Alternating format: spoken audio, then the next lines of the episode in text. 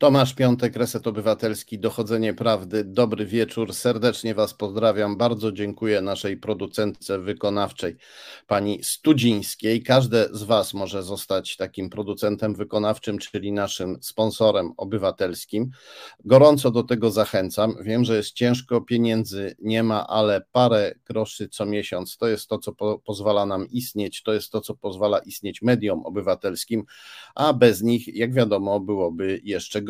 Tam, gdzie prawda nie dociera do ludzi, rządzący mogą na coraz więcej sobie pozwalać. Serdecznie Wam dziękuję za Wasze wsparcie i to finansowe, i to duchowe, e, i to internetowe. Gorąco też zachęcam do e, udostępniania, wysyłania znajomym linka do tej transmisji i do lajkowania, bo przypominam, Łapki sprawiają, że więcej osób e, zobaczy te transmisje, a teraz potrzebujemy ich nawet bardziej niż kiedykolwiek, bo jakoś tak dziwnie się stało, że kiedy nasze e, zasięgi na YouTubie zaczęły bardzo rosnąć, to teraz nagle dziwnie nam spadły. I to nie jednej audycji, jednej transmisji, dwóm czy trzem prowadzącym, tylko nam e, wszystkim. Nie wiemy o co chodzi i widzę też, że również moje zasięgi na Facebooku nagle ogromnie spadły. Zastanawiam się, co będzie z Twitterem, który przejął prokremlowski miliarder Elon e, Musk. Dlatego, e, dlatego tym bardziej gorąco proszę Was o wsparcie, o lajki na YouTube, jak również na Facebooku i na Twitterze.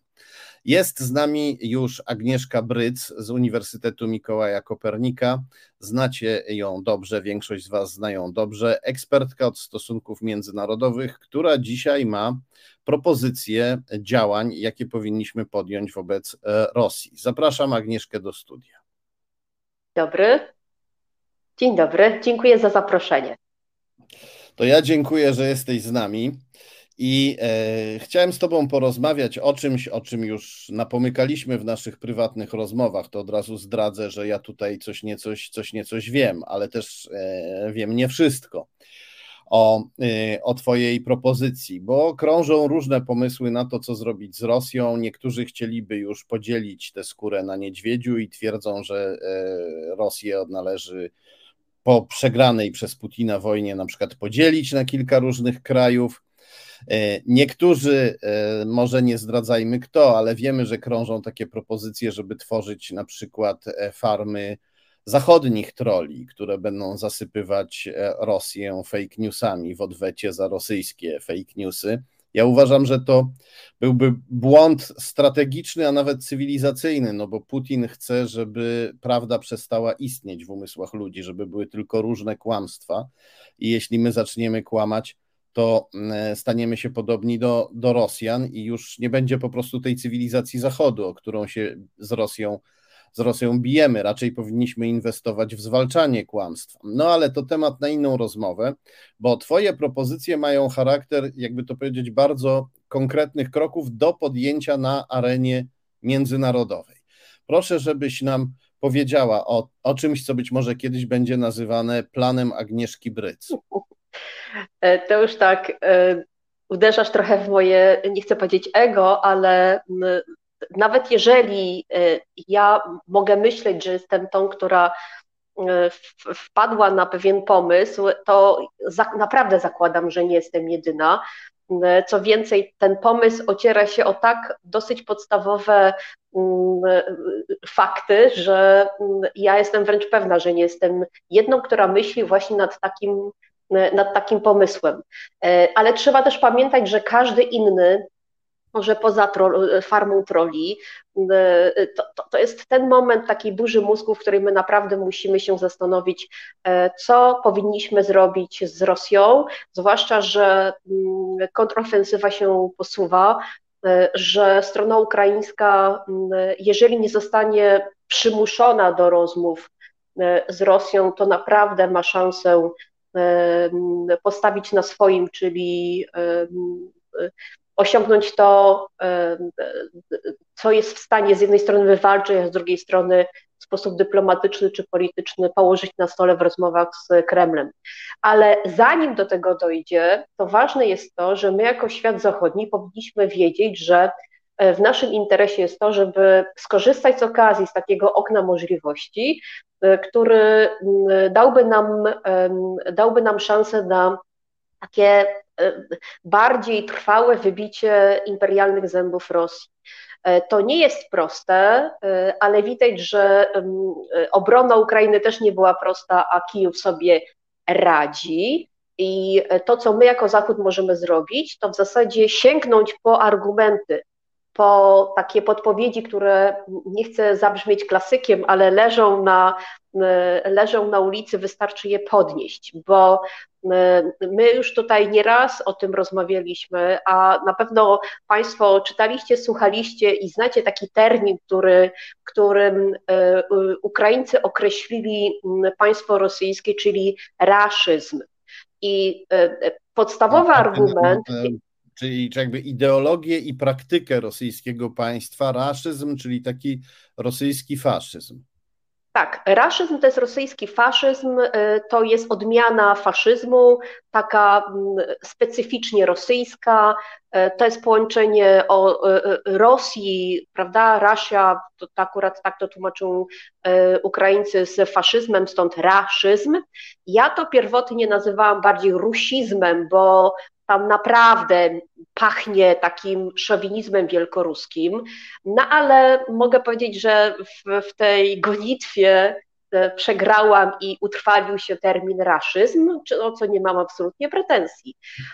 Ale rzecz teraz polega na tym, że my jako Zachód, zanim podejmiemy rozmowę z Rosją, możemy, a ja nawet twierdzę, że powinniśmy e, uznać e, po pierwsze tak na poziomie państwowym, czyli poprzez te państwa, e, zwłaszcza leżące w, w, takim bezpośrednim sąsiedztwie Rosji, a więc bezpośrednim zagrożeniu militarnym Rosji, e, powinniśmy uznać e, Rosję za państwo raszystowskie, a zanim to zrobimy, powinniśmy uznać raszyzm za formę rosyjskiego faszyzmu, a więc ideologię totalitarną. E, to by spowodowało, że Rosja i Rosjanie, Rosja jako państwo, Rosjanie jako obywatele zostaliby wybici ze swojej strefy komfortu. E, to jest ważne, bo mało co trafia do społeczeństwa rosyjskiego. E, do nich trafiło ostatnio to, że Europa postanowiła ograniczyć im wizy Schengen, był wielki la, wielkie halo było, wielkie oburzenie e, w Rosji, że mm, kraje europejskie ograniczają ich prawa człowieka. Więc tak, e, tak. od praw człowieka. Przepraszam, no tak. ale mówiąc o tych mitach, którymi żywią się Rosjanie, to mit ich, e, mit Rosji jako zwycięzcy nad faszyzmem to jest bardzo mocny mit i oni uważają, że wszystko im wolno. E, nawet mordować ludzi masowo, bo kiedyś zwyciężyli nad faszyzmem. I teraz, jeśli oni zostaną uznani za faszystów, raszystów, czy to ich e, wzburzy, czy to im odbierze komfort, czy to raczej ich znowu utwierdzi w przeświadczeniu, że cały e, świat jest zaciekłym wrogiem Rosji i oskarża Rosję o czernia i że Rosja musi toczyć wojnę z całym światem. I teraz y, nie powinniśmy oczekiwać takiego, prawda, takiej akcji, reakcji na zasadzie mm, usługi w McDonaldzie. E, to nie musi być reakcja natychmiastowa, ale ważne jest, jeżeli my jako państwa indywidualne, a później na arenie międzynarodowej, na przykład organizacje czy struktury typu Unia Europejska, czy organizacje prawno-człowiecze, jeżeli takich podmiotów czy organizacji, które uznawały, uznałyby Rosję za państwo raszystowskie, a jednocześnie uznałyby raszyzm za formę e, ideologii e, totalitarnej, wówczas powodowałoby to, że tak jak powiedziałam, Rosjanie mm, usłyszeliby, że są obywatelami państwa zbrodniczego, a pamiętajmy, Rosjanie mają, to jest takie, to jest naród, który bardzo osadzony jest w takim poczuciu z jednej strony wielkich ambicji, a z drugiej strony wielkich kompleksów. Rosjanie źle czują się z taką narracją, że to nie oni są po dobrej stronie historii, że to nie oni e, tworzą porządek międzynarodowy, a wręcz go rujnują. Krótko mówiąc, państwo, które i obywatele którego kraju uczeni są od szkoły podstawowej tego, że byli mocarstwem, które zwyciężyło faszyzm, dzisiaj będą państwem, które jest faszystowskie w znaczeniu faszyzmu rosyjskiego. E, oni na pewno zareagowaliby z jednej strony ci lepiej przygotowani i bardziej krytycznie myślący, czyli ta drobna, wąska elita, e, która dzisiaj e, nie boi się sprzeciwiać wojnie przyjęłaby te argumenty, bo to nie jest nic nowego, jeżeli chodzi o opozycję rosyjską, ale z drugiej strony ja zakładam, że znaczna część doprowadziłaby do takiego efektu wyparcia, ewentualnie krytyki i konsolidacji wokół Kremla. To nawet nie o to chodzi, tylko chodzi o przyznanie Rosji statusu międzynarodowego, państwa e, totalitarnego, e, kierującego się zakazaną praw, w sposób prawno-międzynarodowy ideologią totalitarną. Jakie to przyniosłoby skutki na arenie międzynarodowej? No właśnie, skutki mogłyby być takie, bo to jest kwestia, pamiętajmy, pewnej, prawda, takiego, takiego działania informacyjnego i symbolicznego, ale pamiętajmy, wymiar informacyjny jest ważnym, e, jest ważną, prawda, e, platformą tej wojny. Rosja prowadzi wojnę informacyjną i ona tę wojnę póki co wygrywa w tak, zwanym, w tak zwanej reszcie świata, czyli poza światem zachodnim, więc my powinniśmy nazywać Rosję po imieniu, czyli definiować w sposób zgodny z faktami. Efekt mógłby być taki i, i to byłoby to, co bardzo zabolałoby Rosję, prawda, tą duszę rosyjską, już nie chcę powiedzieć na pewno polityką i dyplomacją rosyjską. I nawet jeżeli dzisiaj mieliśmy informację o tym, że minister Ławrow e, trafił do szpitala, e, oczywiście Maria Zacharowa to natychmiast e, zdementowała. To, to musi być prawda. No to ja mogę to powiedzieć. To musi być prawda. Tak jest, bo jakby wiarygodne są tylko zdementowane komunikaty Kremla. Rzecz polega na tym, że e, jeżeli Rosjanie w sposób formalno-międzynarodowy zostaliby uznani za państwo raszystowskie, wówczas jest podstawa do tego, żeby w każdym komunikacie międzynarodowym, prasowym, politycznym czy w mediach określać prezydenta Putina miastem prezydenta faszystowskiej, raszystowskiej Rosji. Nawet nie e, prezydenta, bo państwa faszystowskie nie mają de facto prezydentów, tylko dyktatora. No więc tak właśnie. Jak tak jak my w resecie obywatelskim mówimy i piszemy, dyktator Rosji, Władimir Putin. I słusznie. E, równie dobrze można byłoby nazywać Rosję państwem raszystowskim, państwem totalitarnym. Chodzi o to, żeby utrwalić świadomości międzynarodową tę etykietę, nie tyle stygmatyzującą Rosję, ale nazywającą i definiującą Rosję po imieniu. No bo, e, ona, Proces... bo, Rosja, bo Rosja tym jest. Ale, tak. e, przepraszam, jeśli ci przerywam, ale e, Chciałem Cię spytać, czy w takiej sytuacji Rosja jako kraj e, totalitarny mogłaby zasiadać w ważnych międzynarodowych gremiach w Radzie Bezpieczeństwa ONZ? Ja tylko Państwu powiem, że Tomek zna niektóre moje argumenty y, i to jest jeden, i to jest właśnie jeden z tych, bo teraz sobie proszę wyobrazić, jeżeli Rosjanie uważają, że jednym z ich kluczowych atutów, takich wielkomocarstwowych, jest prawo weta w Radzie Bezpieczeństwa, czyli w Organizacji Narodów Zjednoczonych i w tym ciele takim wąskim, złożonym z 15 państw, 10 e, rotacyjnie wybieranych, a 5 stałych członków, którzy posiadają tak silne prawo weta, które jest w stanie, tak jak liberum veto, zawetować, zastepować każdy proces i każdą rezolucję, i Rosjanie nie boją się korzystać z tego weta. Ja nie chcę powiedzieć, że inne państwa należące do Rady Bezpieczeństwa e, stali członkowie również, ale w tym przypadku Rosja dostałaby bardzo poważny cios, ponieważ jeżeli miałaby status państwa raszystowskiego, faszystowskiego, wówczas moglibyśmy rozpocząć bardzo poważną dyskusję na temat tego, czy e, państwo faszystowskie może być e, stałym członkiem Rady Bezpieczeństwa, a w zasadzie być w gronie tych państw, które z faszyzmem w przyszłości walczyło. Nawet Dobrze. jeżeli. Mhm. No nie, przepraszam, bo ci znowu chciałem przerwać, bo chciałem Bardzo spytać, od razu myśl w mojej głowie się pojawiła, co na to Chiny, które też są państwem totalitarnym, które też mogłyby zostać, przynajmniej teoretycznie, uznane na arenie międzynarodowej za państwo totalitarne i takie, którego się nie wpuszcza do ważnych gremiów. One by pewnie zrobiły wszystko, żeby zablokować taką inicjatywę.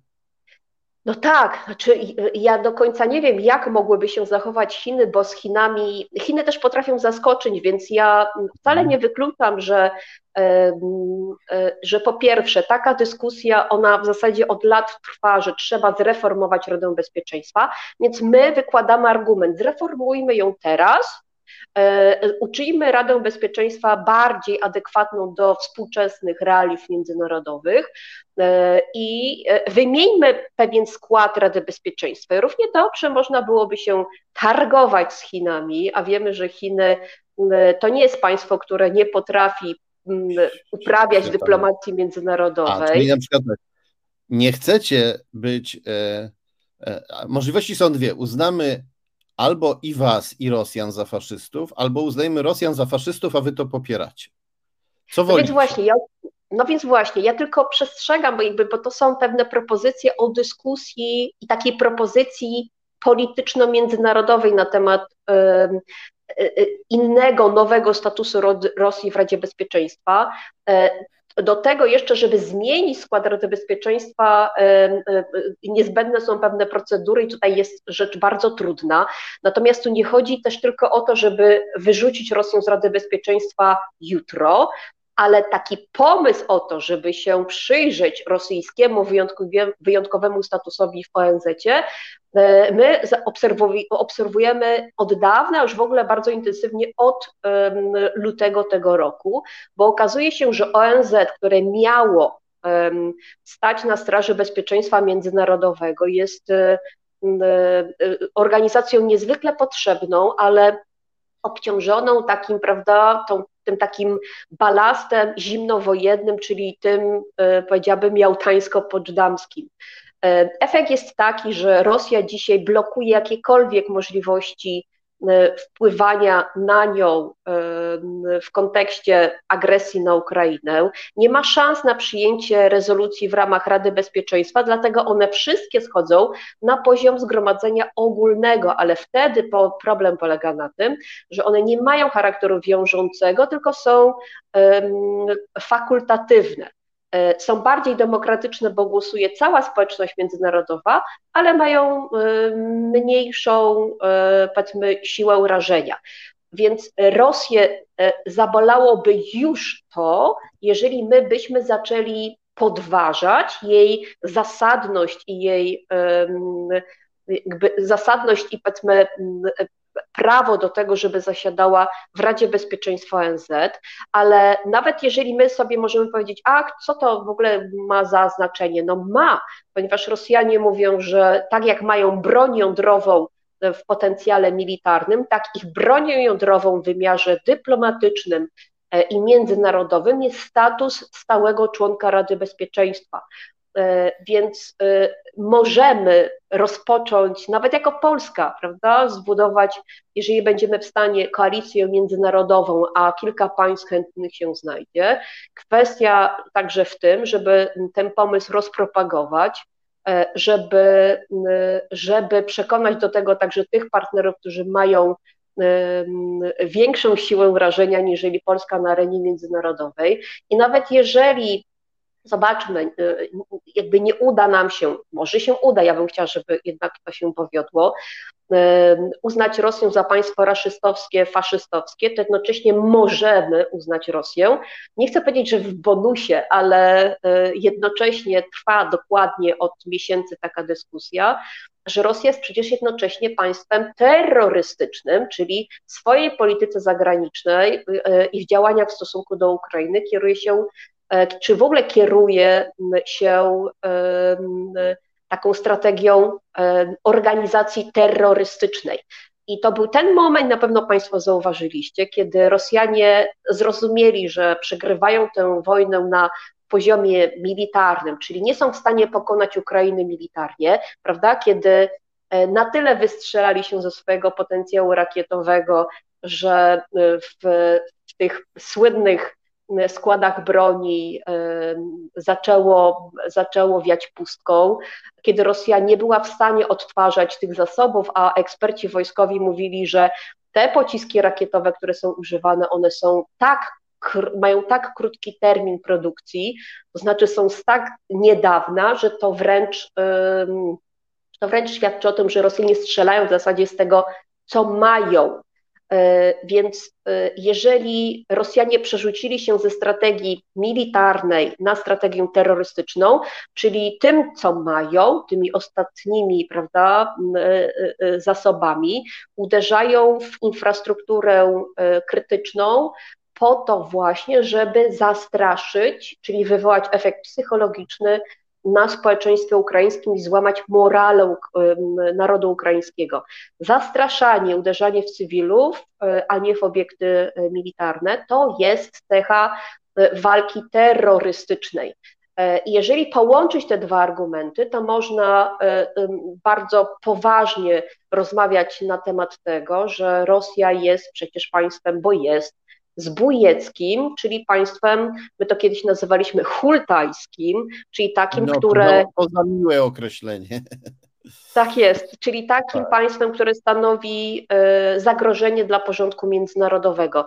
A takie państwo, e, jeżeli by na przykład Rosja została przy okazji uznana za organizację, za państwo, przepraszam, terrorystyczne, i zostałaby uznana na przykład przez Stany Zjednoczone, bo tutaj o tę e, w zasadzie e, akcję chodzi, no to te sankcje czy, czy embarga, które mamy nałożone dzisiaj na Rosję, byłyby, one są jeszcze, one są już znaczące, ale one dostałyby takie, prawda, drugie życie i zostałyby niesamowicie uszczelnione, jeżeli by zostało to także przeprowadzone przez ustawodawstwo amerykańskie, to niestety uderzyłoby także, ja uważam, że, stety, w kraje Europy Zachodniej, w ogóle w kraje Zachodu, które utrzymują relacje nawet pośrednie z Rosją, bo uznanie Rosji za państwo terrorystyczne, tak jak w przeszłości Kuba, tak jak w przeszłości Iran, e, dostały ten sam status, czy Syria, czy Irak, to groziłoby tym, że Stany Zjednoczone e, musiałyby także obciążać sankcjami wtórnymi wszystkich tych, którzy jakby w sposób pośredni utrzymują kontakty z Rosją.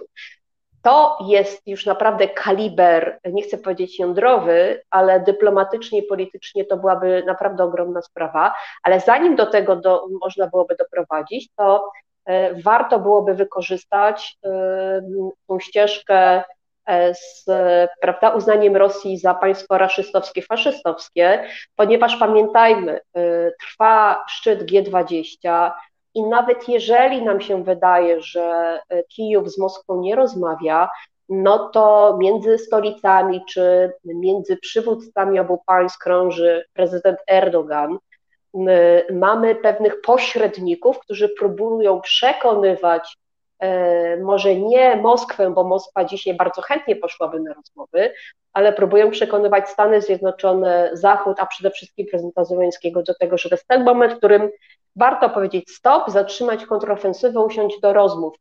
E, I nawet jeżeli się prędzej czy później e, tak to skończy, to uznanie Rosji za takie państwo, czyli e, obciążenie jej statusem państwa faszystowskiego, ale w sensie rosyjskiego faszyzmu, jeszcze dodatkowo ograniczyłoby czy obniżyłoby siłę negocjacyjną Rosji, a przecież na tym nam zależy. No, wyjście Rosji, wyrzucenie Rosji z Rady Bezpieczeństwa ONZ też osłabiłoby jej wpływy w trzecim świecie, gdzie propaganda rosyjska, jak sama powiedziałaś, często wygrywa dzięki zaprzyjaźnionym reżimom bandyckim nieraz, których Rosja chroni.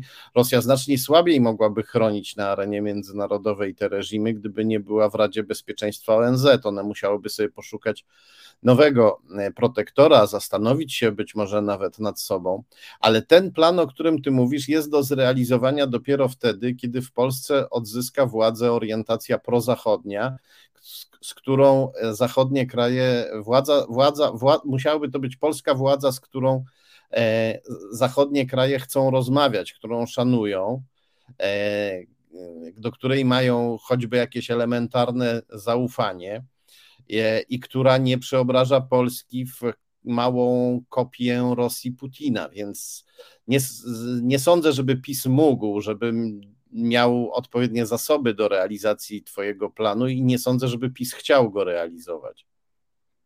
Okej, okay, ja to rozumiem, ale jeżeli myślimy w kategoriach y, bezpieczeństwa Polski, to y, bez względu na to, jaki mamy rząd, y, ten rząd powinien się zająć przede wszystkim podstawową potrzebą, czyli zapewnieniem państwu bezpieczeństwa.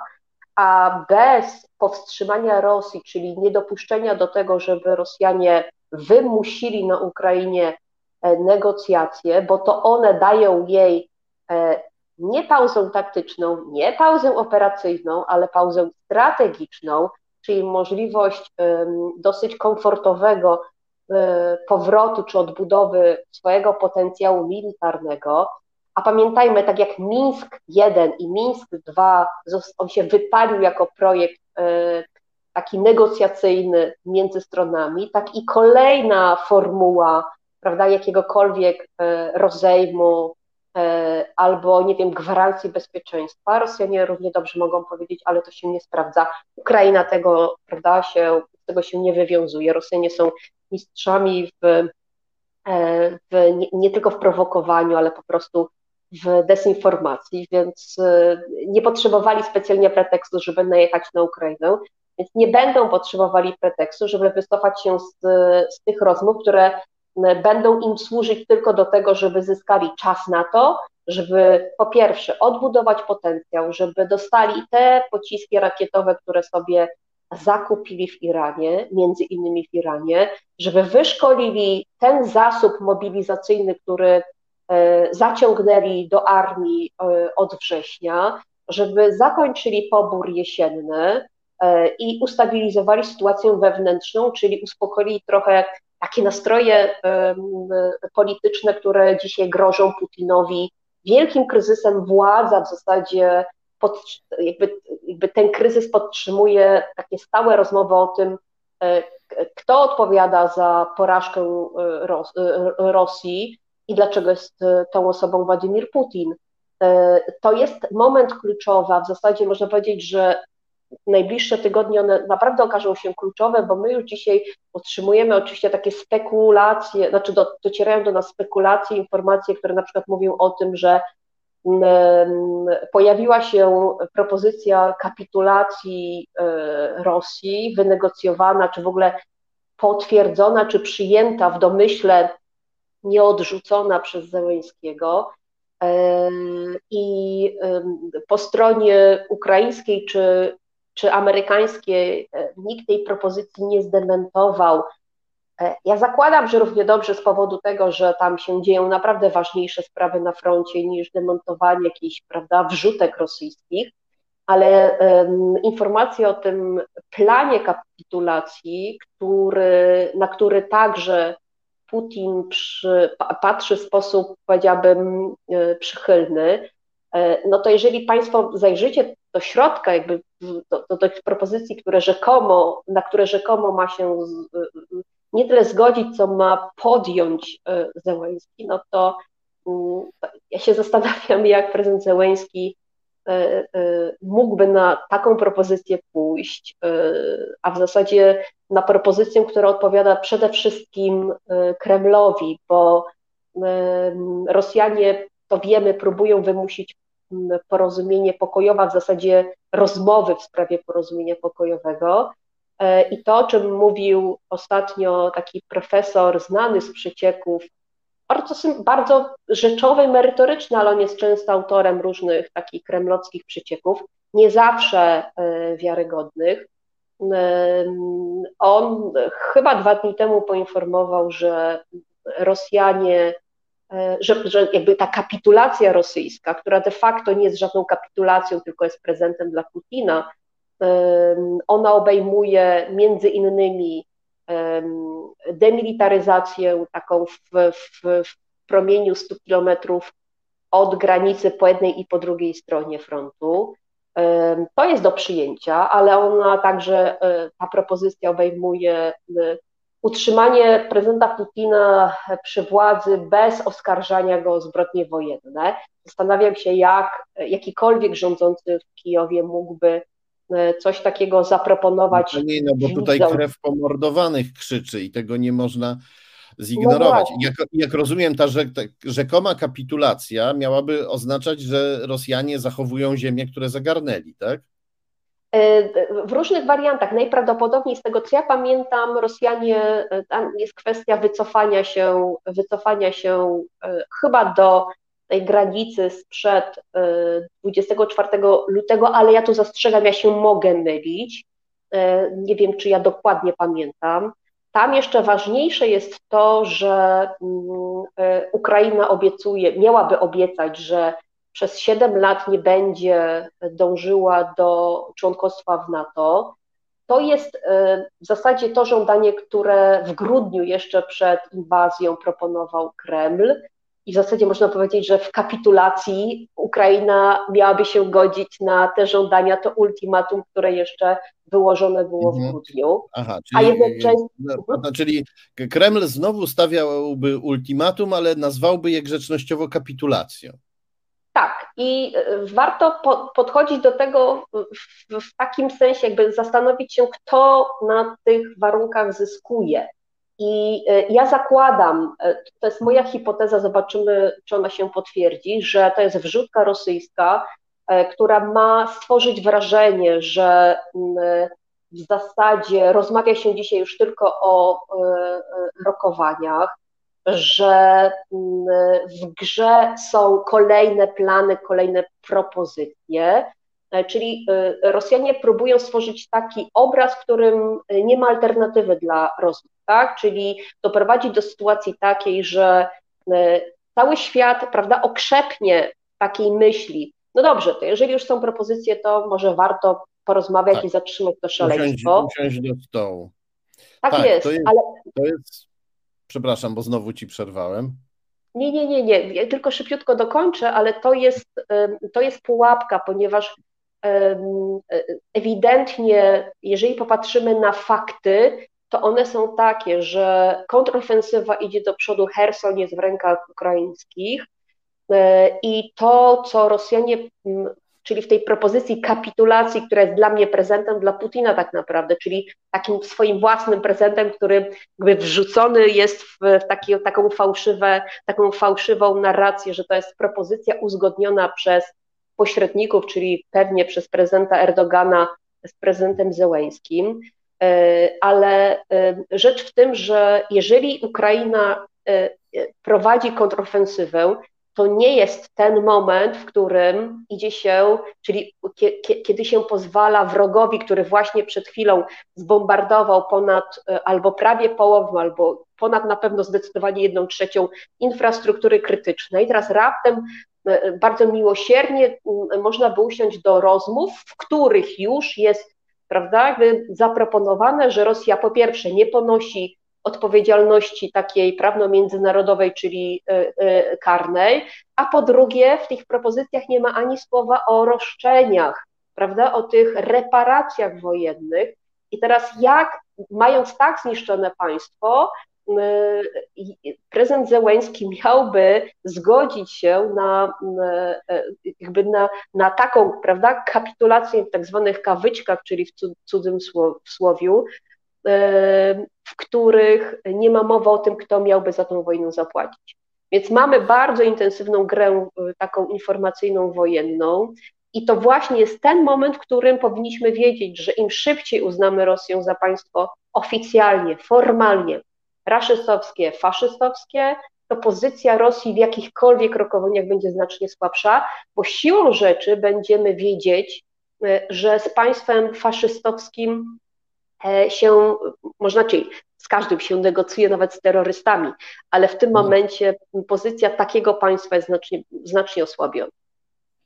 Przypomina mi się takie powiedzenie portugalskie, cum os fascistos no se discute, os fascistos se mata.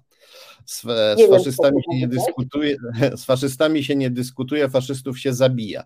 Aczkolwiek są sytuacje, w których niestety trzeba z faszystami dyskutować, ale trzeba mieć ten pistolet w ręku. I ten pistolet dyplomatyczny, który proponujesz, w mojej ocenie jest bardzo dobry. I zgadzam się, że moment jest niezwykły, bardzo ważny i trzeba to rozwiązanie forsować wszelkimi siłami i również podsuwać je naszemu e, rządowi. Ja nie liczę na to, że nasz rząd e, przystąpi do takiej ofensywy dyplomatycznej, ale zdarzają się niespodzianki, nie wolno tracić nadziei, a jeżeli rząd, zgodnie z moimi obawami, e, nie uczyni żadnego kroku w tę stronę, żadnego skutecznego kroku, no to będziemy mieć kolejne potwierdzenie, że ten rząd służy Rosji. Bardzo Ci dziękuję za za rozmowę i zachęcam wszystkich do śledzenia publikacji i działalności Agnieszki Bryc i do popierania tego planu, o którym właśnie e, mówiliśmy. To jest takie wytoczenie na arenie międzynarodowej i dyplomatycznej, no takiej ciężkiej armaty, nawet broni atomowej. Bardzo dziękuję za rozmowę. Dziękuję bardzo. Dziękuję bardzo. I do zobaczenia. A my, moi drodzy, przechodzimy do Jarosława Kaczyńskiego no trudno się nie odnieść do jego ostatnich występów. Będę się tutaj posiłkował skanami, więc założę okulary. Założę okulary, bo jak wiecie, wzrok mi trochę osłabł od e, czytania e, różnych e, dokumentów i publikacji dość intensywnego. Poproszę o skan numer jeden przeznaczony na dziś.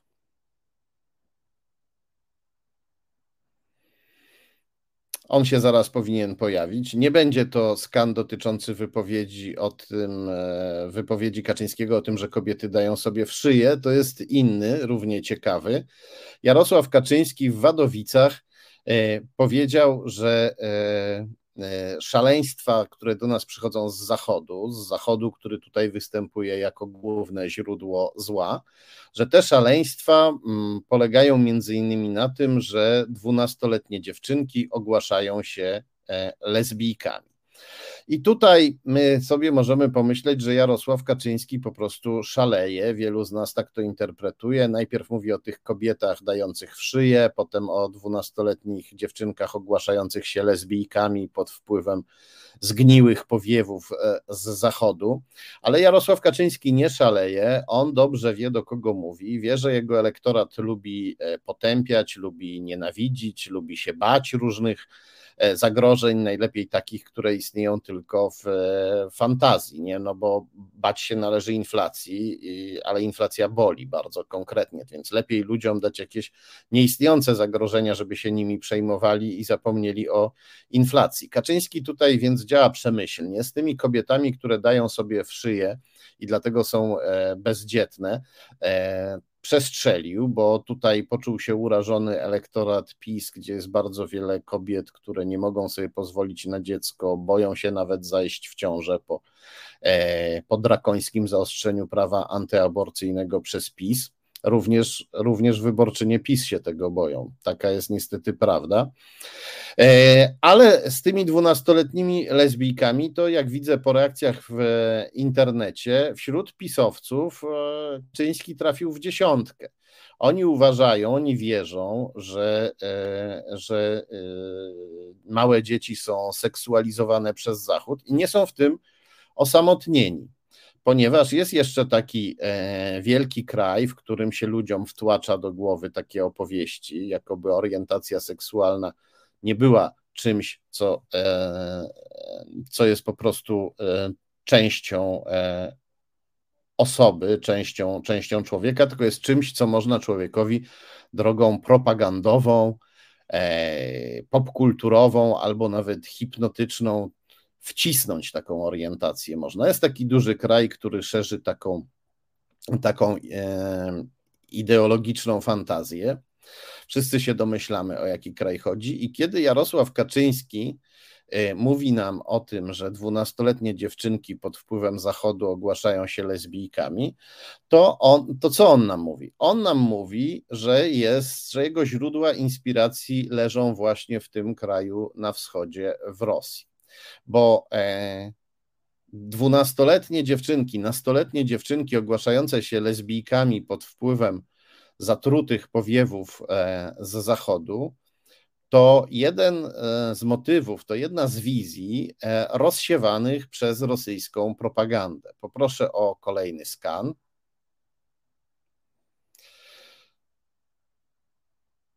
O, udało się. To jest skan e, z super popularnego w Rosji portalu Yandex, który jest równocześnie wyszukiwarką. Czytamy tutaj, jak работает LGBT propaganda среди подростков i dzieci. Czyli jak e, e, działa propaganda LGBT wśród e, nastolatków i dzieci. Czytamy tutaj, proszę Państwa, no to wygląda jak e, kalka dosłowna. Czytamy tutaj, że dwunastoletnie dziewczynki w internecie e, e, stają po stronie LGBT, LGBT, deklarując, że same są e, lesbijkami. A dzieje się tak za sprawą rozpowszechnionej w internecie propagandy homoseksualizmu która oczywiście idzie, idzie z zachodu. To był portal Yandex, który powiedział niemal dokładnie to samo, co Jarosław Kaczyński, z tym, że powiedział to wcześniej, więc nie Yandex papuguje tutaj e, Kaczyńskiego, tylko Kaczyński papuguje po e, rosyjskim portalu Yandex. Poproszę o kolejny skan. To jest rosyjski portal abazriewatil.com. Troszeczkę delikatniej mówi, bo już nie mówi o propagandzie homoseksualizmu, tylko mówi o popkulturze. I tak próbuje tutaj portal obazrywatel.com e, występować, jakby troszeczkę utrzymywać taki ton naukowy, w cudzysłowie oczywiście. E, dzieli tutaj lesbijki na różne kategorie i mówi, że e, pierw, do pierwszej kategorii lesbijek należą dziewczynki nastolatki, które często chcą się wyróżnić przy pomocy niestandardowego e, zachowania e, i podlegają w ogromnym stopniu oddziaływaniu wpływowi masowej kultury. I, a w tej masowej kulturze obraz homoseksualistów w последнее время активно тиражируется, czyli że jest e, aktywnie rozpowszechniany i jakby to powiedzieć E, uatrakcyjniany obraz homoseksualistów w masowej kulturze. Masowej kulturze, która oczywiście też przychodzi, e, przychodzi z zachodu. Tak mówi portal abazrivatil.com. Natomiast Gazeta Komsomolskaja Prawda, poproszę o kolejny skan, Gazeta Komsomolskaja Prawda e, odlatuje już w zupełny kompo, kom, kosmos, ponieważ E, czytamy w niej, że e, wokalistki słynnego niegdyś duetu, e, który się nazywał Tatu, nie wiem czy pamiętamy, to były te dwie Rosjanki, które śpiewały Nas nie dogonia, Jasa szła suma, dwie nastoletnie piosenkarki, które jeszcze będąc niepełnoletnie e, wyznały e, swój e, homoseksualizm swoim fanom i całej, całej Rosji i całemu światu. Na chwilę stały się super gwiazdami. I, I tutaj czytamy w gazecie Komsomolska Prawda, że te dwie nastolatki z zespołu Tatu stały się lesbijkami pod wpływem hipnozy. Czyli e, źli ludzie ulegający zachodnim wpływom, tam ci macherzy od popkultury, sami wywarli jeszcze gorszy wpływ na te dziewczynki drogą hipnotyczną, przekazując im złe wzorce z zachodu. E, to tyle na temat e, opowieści Jarosława Kaczyńskiego o dwunastolatkach. E, my po naszej stronie sceny politycznej, zwolennicy demokracji, często się naśmiewamy i mówimy: A ten Kaczyński opętany obsesjami seksualnymi, e, śnią mu się dwunastolatki, a to, e, to nie o to chodzi. Kaczyński czasem się pomyli, ale zawsze bardzo dokładnie kalkuluje to, co e, powie, lub prawie zawsze. Są takie chwile, kiedy go e, emocje porywają, ale one wbrew pozorom są rzadkie. On przeważnie, on przeważnie kalkuluje. I on tutaj po prostu nam sączy rosyjską, antyzachodnią e, propagandę. No nam jak nam, my się na to nie nabieramy, ale my niepotrzebnie się z tego śmiejemy. Niepotrzebnie się z tego śmiejemy, bo wyznawcy Kaczyńskiego w to wierzą i ulegają putinowskim wpływom, myśląc, że są to wpływy kaczystowskie, a nie raszystowskie. Poproszę o kolejny skan. To będzie kolejna wypowiedź Jarosława Kaczyńskiego. Jarosław Kaczyński e, ostatnio wystąpił też z gorącą obroną ministra Przemysława Czarnka. Powiedział, że Czarnek toczy bitwę o polską przyszłość i istnienie naszego kraju. Minister Czarnek jest ministrem edukacji, jak wiemy, którą niszczy. Jest e, człowiekiem powszechnie znienawidzonym. Jest akurat tym ministrem, z którym również pisowski elektorat może mieć problem. Dlaczego? No bo wyborcy PiS żyją w szczelnie zamkniętej bańce. Eee, żywią się tylko jakby swoją ideologią, żyją w świecie wytworzonym, sztucznym świecie wytworzonym przez pisowską ideologię, no ale jednak żadna bańka nie jest szczelna w 100%. Ona i, ta, i w przypadku domeny działalności ministra Czarnka, ta domena jest właśnie tym miejscem, gdzie ta bańka się czasem rozszczelnia. Dlaczego? No bo rodzic pisowski też musi pójść na e, wywiadówkę, idzie do szkoły. Jeśli nie jest e, super katolickim, super fanatykiem, to niektóre przejawy działalności Czarnka i e, i, i jego aparatu edukacyjnego, tak to nazwijmy, mogą również go czasem trochę irytować. A przede wszystkim on się na wywiadówkach zderza, on się na wywiadówkach spotyka z rodzicami niepisowskimi i, i e, nawet jeśli on gorąco wierzy w to, co robi minister Czarnek, to jednak szkoła mu się i te wywiadówki mu się przykro kojarzą, bo tam styka się z ludźmi zupełnie inaczej myślącymi Minister Czarnek kojarzy mu się z przykrymi doznaniami podczas wywiadówek, kiedy to on na przykład musi bronić jakiegoś e, pisowskiego nauczyciela, dyrektora szkoły, a jeszcze częściej działań kuratorium przed e, rozwścieczonymi e, rodzicami demokratami. Więc minister Czarnek kojarzy się źle i dlatego, i dlatego Jarosław Kaczyński być może powinien raczej ominąć ten temat. Powinien raczej mówić o jakimś e, ministrze, który jest mniej niesympatyczny, mniej źle kojarzony. Ja wiem, że w rządzie PiS znaleźć takich ministrów to jest pewne wyzwanie, no ale e, Czarnek akurat jest człowiekiem no, budzącym mm, jeszcze bardziej negatywne emocje niż większość ministrów tego rządu. A jednak Kaczyński tutaj łapie byka za rogi i e, lansuje, i lansuje Czarnka używając słów no naprawdę groteskowych, groteskowo nieadekwatnych. Bitwa o Polska, polską przyszłość, o istnienie, naszego, o istnienie naszego kraju. Czyli mówi, że jeśli ktoś nie stanie się e, fanatykiem, czyli on mówi tak, że młodzież musi podlegać fanatycznemu wpływowi ministra Czarnka, musi stać się takimi fanatykami jak Czarnek, bo jeśli nie, to nasz kraj przestanie istnieć. Więc mówi nam, że istotą naszego kraju jest fanatyzm. No i po co to robi, po co to robi Kaczyński? Dlaczego on tak e, radykalizuje swoich wyborców? Dlaczego dodatkowo nas tak polaryzuje? No najwyraźniej Kaczyńskiemu to służy i stanowi to część, e, i stanowi to część jego planu. Jakiego planu? No cóż, e, my często mówiąc o ministrze Czarnku, mówimy, że jest to e, człowiek ze średniowiecza, że on nas cofa do średniowiecza. Ja rozumiem te metafory, no bo one się narzucają, ale trzeba pamiętać, że czasu cofnąć się nie da.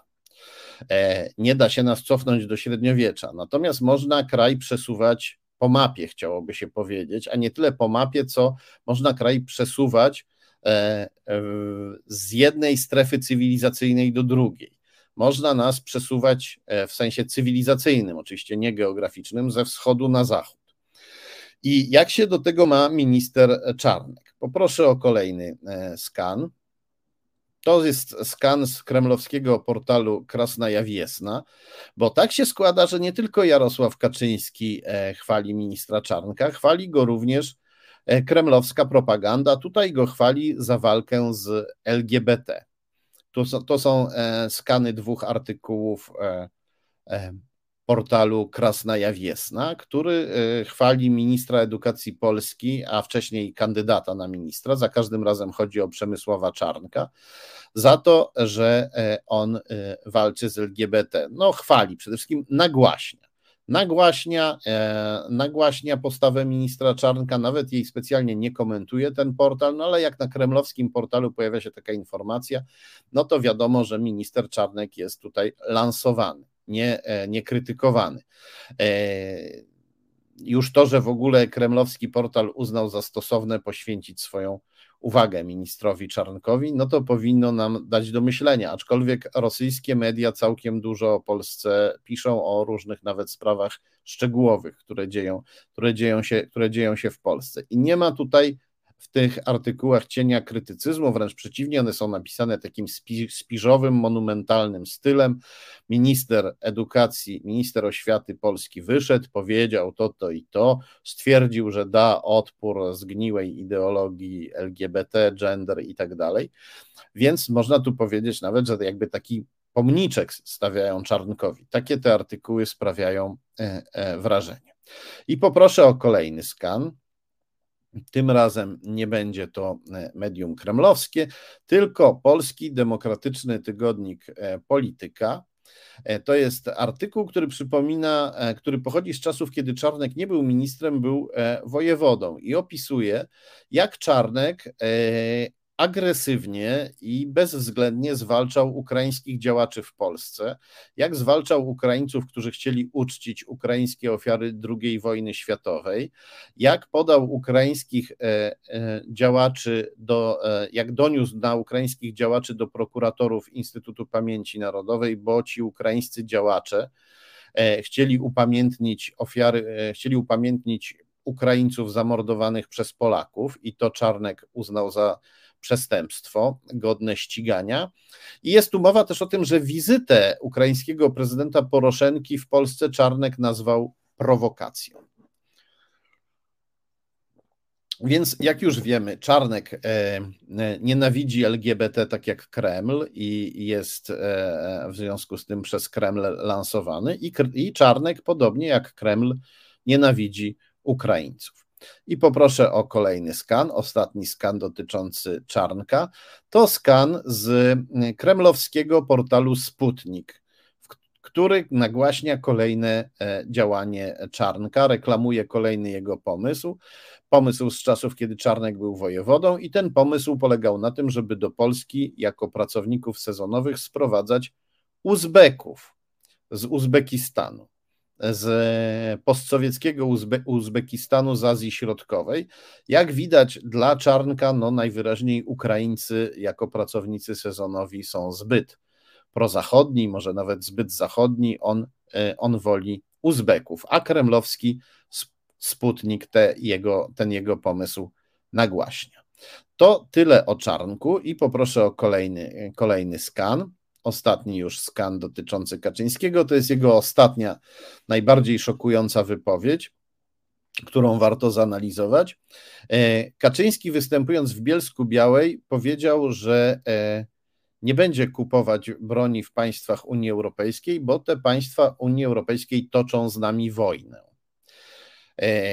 My tej broni potrzebujemy, żeby bronić się przed Rosją, ale Kaczyński najwyraźniej uważa, że są ważniejsze sprawy niż zabezpieczenie Polski przed Rosją. Ważniejsze jest uderzanie w Unię Europejską, którą on tutaj nam przedstawia jako kraj toczący z nami wojnę. Wrogiem nie jest Rosja. Nie jest głównym zagrożeniem Rosja. Głównym zagrożeniem jest Unia Europejska i to ona i to ona nas e, zwalcza, to ona z nami wojuje. A na czym polega to straszne zagrożenie, gorsze niż rosyjskie? No, na tym, że Unia Europejska wytyka nam brak praworządności. I to nam daje odpowiedź, dlaczego Kaczyński to sam toczy wojnę z Unią Europejską i próbuje nam ją przedstawiać jako wroga. Dlatego, że wrogiem dla Kaczyńskiego jest cywilizacja zachodnia i jej standardy, jej wartości, takie jak praworządność. No i tu łatwo się domyślić, kto w tej sytuacji dla Kaczyńskiego jest e, sojusznikiem albo przy, choćby potencjalnym partnerem. Oczywiście Rosja. Rosja jest e, w jego opinii znacznie nam bliższa i znacznie dla nas bezpieczniejsza niż Unia Europejska. Gdyby uważał Rosję za główne zagrożenie, to mimo wszelkich niesnasek, z krajami zachodnimi, z krajami Unii Europejskiej, to jednak kupowałby broń od krajów Unii Europejskiej. Ale jak, naj, jak widać, po raz kolejny mamy tutaj dowód na to, że dla Kaczyńskiego Rosja nie jest wrogiem, wroga widzi na Zachodzie. Ta, i, i ta postawa się przekłada na e, kroki bardzo konkretne w sytuacji, w której jesteśmy bardzo mocno przez Rosję zagrożeni. Kaczyński nie chce Polski bronić przed Rosją, nie chce jej zabezpieczać. Chce się bić z Unią Europejską. I to właściwie powinno nam już powiedzieć wszystko o Kaczyńskim. To tyle o Kaczyńskim, a teraz przejdziemy do jednego z jego e, posłów. Przejdziemy do e, właśnie, dziękuję naszej wspaniałej realizatorce e, Angeli, która dzisiaj działa bardzo dzielnie i, i pokazuje nam skany. Przechodzimy do Piotra Saka, który jest posłem klubu parlamentarnego PiS, aczkolwiek jest bardziej jeszcze posłem Ziobry niż Kaczyńskiego, bo jest posłem partii Solidarna Polska. Piotr Sak e, wpisuje się w tę opowieść Kaczyńskiego o naszej e, wojnie z Unią Europejską, a nawet przedstawia ją jeszcze drastyczniej.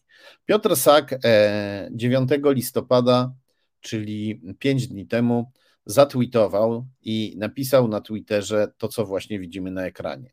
Otrzymamy środki unijne z Krajowego Planu Odbudowy, jeżeli zjemy zatrute ciastko nafaszerowane tabletką gwałtu. Gwałtu na konstytucji i naszej suwerenności. Nigdy. Czyli e, SAK nam mówi, że jeśli my e, wrócimy do standardów, do reguł praworządności, e, które sami się kiedyś zobowiązaliśmy przestrzegać, których chcieliśmy przestrzegać, których my, polscy demokraci, ciągle chcemy przestrzegać i których chce od nas również Unia Europejska. SAK mówi, że jeśli my zastosujemy się znowu do reguł praworządności, to zjemy zatrute e, ciastko z pigułką gwałtu, e, podsunięte nam przez Unię Europejską, e, wpadniemy w letarg, zaśniemy i wtedy Unia Europejska nas zgwałci. Powiem tak, po pierwsze, gwałt jest jednym z najpotworniejszych przestępstw. Ofiary gwałtu w ogromnej większości niestety kobiety, osoby płci żeńskiej, ale czasami też mężczyźni bywają gwałceni. E, ofiary gwałtu cierpią strasznie, przez całe życie i e, epatowanie takimi porównaniami jest nie tylko niestosowne, no ale dowodzi jakiejś gigantycznej niewrażliwości. To trudno tutaj e, i, i, i, i zaczadzenia fanatycznego, jakiegoś takiego oszołomienia, szału takiego, fanatycznego szału ideologicznego.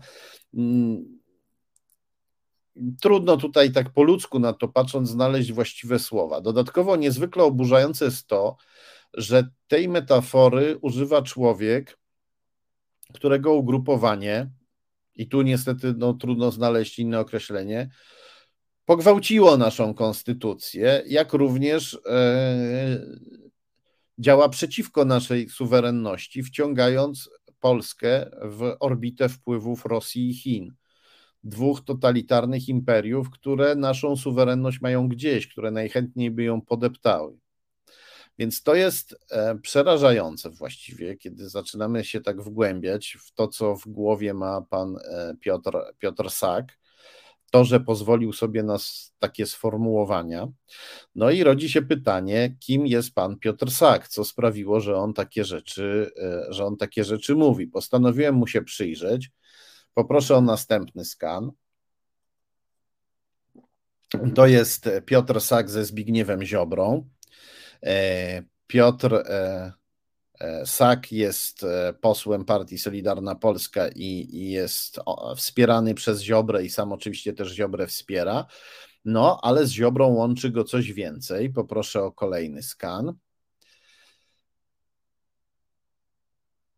To jest fragment artykułu e, Gazety Krakowskiej. Wcześniej widzieliśmy zdjęcie z Gazety Krakowskiej ilustrujące ten artykuł. I w tym artykule czytamy, że Piotr Sak jest adwokatem e, i w swojej karierze był e, radnym wojewódzkim, był też potem trafił do Rady Miejskiej Tarnowa i występuje w sprawach sądowych w imieniu Zbigniewa Ziobry czyli on jest e, posłem Ziobry jest, i jest adwokatem e, Ziobry. No oczywiście e, Ziobro ma nie jednego adwokata, ktoś taki jak Ziobro potrzebuje ich co najmniej kilku, tym bardziej, że Ziobro sam jest bardzo słabym prawnikiem. No, ale jednak to jest więź bardzo istotna, bo jeśli pan Sak podlega Ziobrze politycznie, a równocześnie też jest jego adwokatem i bierze od niego pieniądze, no to jest z Ziobrą mocno związany. Poproszę o kolejny skan. To jest skan e, z profilu facebookowego Piotra Saka. E, Piotr Sak prezentuje się na swoim facebookowym profilu jako dumny właściciel firmy Kancelarie Adwokackie Jastrząb i Sak. E, domyślam się, że Jastrząb to jest nazwisko drugiego wspólnika. Postanowiłem sprawdzić, co to za kancelaria adwokacka. Mm, no i co znalazłem w Krajowym Rejestrze Sądowym? To właśnie, co widzimy, to właśnie, co widzimy w, na ekranie, to jest skan z serwisu Rejestr IO opartego na Krajowym Rejestrze Sądowym. No i tutaj czytamy, że e, pan Piotr Sak jest e, członkiem Rady Nadzorczej w PKO Investment Management. No to, to jest spółka związana ze Skarbem Państwa. Tam e, trafił pan Piotr Sak w czasach już pisowskich. No i e, tam nie on jeden trafił, tam trafiło wielu ludzi Zbigniewa Ziobry, o czym już rozmawialiśmy parę razy w naszych audycjach. E, widzimy, że jest członkiem Rady Nadzorczej firmy, która się nazywa Centrum Medyczne Medica. Wcześniej był, e, nadzorował szpital e, wojewódzki imienia świętego Łukasza. No, ale nie widzimy tutaj żadnej kancelarii adwokackiej. No dobrze, to poszukajmy dalej tej mitycznej kancelarii adwokackiej Piotra Saka. Spróbowałem jej poszukać. To, co widzimy, to jest wynik wyszukiwania w serwisie rejestr IO. Napisałem Jastrząb Isak, bo tak się według Facebooka ma nazywać kancelaria e, adwokacka Piotra Saka i znalazłem tylko Centrum Odszkodowań i Obsługi Prawnej w Tarnowie. E, firma należy do Anny e, Sak. No więc zobaczmy, co to za firma. Poproszę o kolejny skan. I na tym skanie, kiedy już sobie klikniemy i wejdziemy w, e, w rejestr IO, w stronę poświęconą tej firmie, to widzimy, że firma należy do Anny Sak i Katarzyny e, Jastrząb. E, przepraszam, to widzimy, na tym skanie widzimy, że firma jest zarządzana przez Annę Sak i Katarzynę Jastrząb. No dobrze, a do kogo należy? Bo pan Piotr Sak twierdzi, że jest właścicielem kancelarii. No więc ta firma e, należy do Anny Sak i Katarzyny Jastrząb, które są wspólniczkami i są też beneficjentkami rzeczywistymi, czyli ostatecznymi właścicielkami. Tu nie ma żadnego łańcuszku właścicieli, na końcu którego mógłby być pan Piotr Sak. Pana Piotra Saka tu po prostu nie ma. I poproszę o kolejny skan.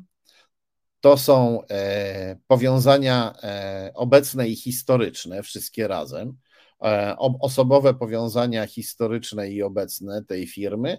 I jak widać, nie ma tutaj e, nigdzie pana Piotra Saka. Jest Katarzyna Jastrząb, jest Anna Sak, jest jeszcze jedna koleżanka. E, do tej firmy należą dwie inne firmy, ale w tej firmie pana Piotra Saka nijak nie ma. No dobrze, zacząłem po prostu, pomyślałem sobie, może po prostu pogugluję i jakoś znajdę w jakiejś formie tę mityczną e, kancelarię adwokacką Piotra Saka. Poproszę o kolejny skan. No i e, znalazłem e, coś, co się nazywa JRSM, gdzie jest adwokat Damian Jastrząb. Gdzie jest adwokat Damian Jastrząb, E, ale tu też nie znalazłem, e, nie znalazłem Piotra, e, Piotra Saka, choć znalazłem osoby mu, osoby mu bliskie.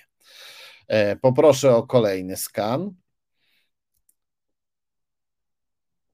Bo ta firma wszędzie określa się skrótem JRSM, więc pomyślałem w kolejnej rozpaczliwej próbie odnalezienia kancelarii Piotra Saka, że może on jest w jakiś sposób właścicielem tej kancelarii, może gdzieś się zapodział w e, rejestrze, w Krajowym Rejestrze Sądowym, ale może go w ten sposób odnajdę. Wpisałem JRSM do wyszukiwarki i nie znalazłem również w Krajowym Rejestrze Sądowym tej, e, tej kancelarii, więc e, z Kancelaria Adwokacka Jastrząb Isak, która się prezentuje jako kancelaria JRSM e, najczęściej, e, też jest jakimś bytem widmowym. No nie można jej znaleźć w Krajowym Rejestrze Sądowym. Czego się dowiedziałem z jej strony, to tego, że ta kancelaria e, ma adres w Tarnowie przy ulicy Wałowej 2 i, i to jest wszystko, czego się, i to jest wszystko, czego się dowiedziałem. E, o niej. O, to jest jedyny konkret, można powiedzieć, taki na temat jej, jakby to powiedzieć, fizycznego istnienia. No dobrze, ale oprócz Krajowego Rejestru Sądowego jest też e, Centralna Ewidencja Informacji o Działalności Gospodarczej, bo w Krajowym Rejestrze Sądowym są spółki prawa handlowego. A takie inne formy działalności gospodarczej, na przykład spółka cywilna, jednoosobowa działalność gospodarcza, to wszystko jest w Centralnej Ewidencji Informacji o Działalności Gospodarczej. Ona ma swój odrębny rejestr. Zajrzałem i tam. Poproszę o kolejny skan. E, no cóż, i czego się dowiedziałem, e, gdy wpisałem e, nazwę kancelarii, której pan Sak rzekomo ma być właścicielem. Kancelarii Adwokackiej Jastrząb Isak po prostu nie figurują nawet w rejestrze działalności gospodarczych, zwykłych działalności gospodarczych, w centralnej ewidencji i działalności, centralnej, w rejestrze centralnej e, ewidencji i informacji o działalności gospodarczej. Nawet tam nie ma tej kancelarii widmo. E, no cóż, e, wpisałem w takim razie do rejestru po prostu nazwisko Piotra Saka. I znalazłem pojedynczą kancelarię adwokacką, adwokat Piotr Sak, e, nie żadne kancelarie adwokackie Jastrząb Isak, e, która się mieści znowu przy, e, w Tarnowie, przy ulicy Wałowej numer 2, to ten sam adres, który widzieliśmy na stronie internetowej tamtej widmowej kancelarii adwokackiej. Wałowa 2, lokal 3B Czyli to jest dokładnie ten sam, ten sam adres. E, ja się domyślam, że ponieważ mówimy o prawnikach, to od strony prawnej to jakoś można pewnie wytłumaczyć. Można powiedzieć, że na przykład pan Jastrząb prowadzi swoją działalność, pan Sak prowadzi swoją działalność, a razem dla siebie stworzyli wspólną markę. E, I, e, i, i, i byt pod nazwą Kancelarii Adwokackiej Jastrząb Isak E, jest tylko bytem marketingowym, czyli tak naprawdę nieistniejącym. No można tak powiedzieć, ale nie wygląda to, e, to poważnie i no, e, nie, budzi, nie budzi zaufania. Cóż, uchwyciłem się jedynego twardego faktu, jaki tutaj mamy, czyli adresu. I sprawdziłem, do kogo należy budynek przy ulicy Wałowej 2 w Tarnowie. I e, czego się dowiedziałem w Księdze Wieczystej? No tego, co widzimy na ekranie. Tego, że budynek należy do e, pana, który się nazywa Paul François Romain e, Sanguszko, przepraszam, Prince Paul François Romain Sanguszko, czyli książę Paul François Roman Sanguszko, czyli taki jakby polski książę, ale z francuska, a równocześnie do Pawła Sanguszki. Tak e, brzmi to dziwnie, bo Pol to po francusku Paweł, więc to trochę tak wygląda, jakby nam się polsko-francuski książę rozdwoił na francuskiego księcia i na polskiego księcia. No ale cóż, być może w świecie arystokracji takie rzeczy e, są na porządku dziennym. Co jeszcze znalazłem w Księdze Wieczystej? No, dowiedziałem się, poproszę o kolejny skan, że w budynku nie wyodrębniono żadnego lokalu, zatem budynek należy po prostu do tego tajemniczego, yy, dwoistego polsko-francuskiego księcia Pawła Sanguszki. Yy, zaglądając głębiej do Księgi Wieczystej, znalazłem yy, kolejną informację. Poproszę o następny skan. E, dowiedziałem się, że Paweł Sanguszko miał ojca Piotra i matkę Klaudię, a Paul François Roman Prince Sanguszko miał ojca, który się nazywał Peter, a mat i matkę, która się nazywała Claude. Czyli e, te same imiona, co w przypadku Pawła Sanguszki, te same imiona rodziców, tylko że e, Peter to po angielsku, a Claude to po francusku, ale to też Piotr i Klaudia. No i poznałem datę urodzenia pana e, Sanguszki, to jest 16 e, e, stycznia 73 roku.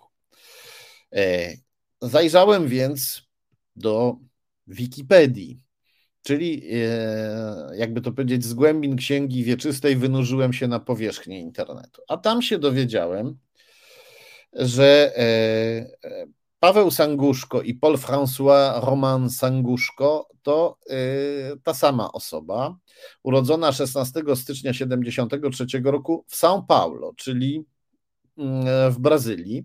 Dowiedziałem się, że książę jest ostatnim żyjącym męskim potomkiem rodu Sanguszków.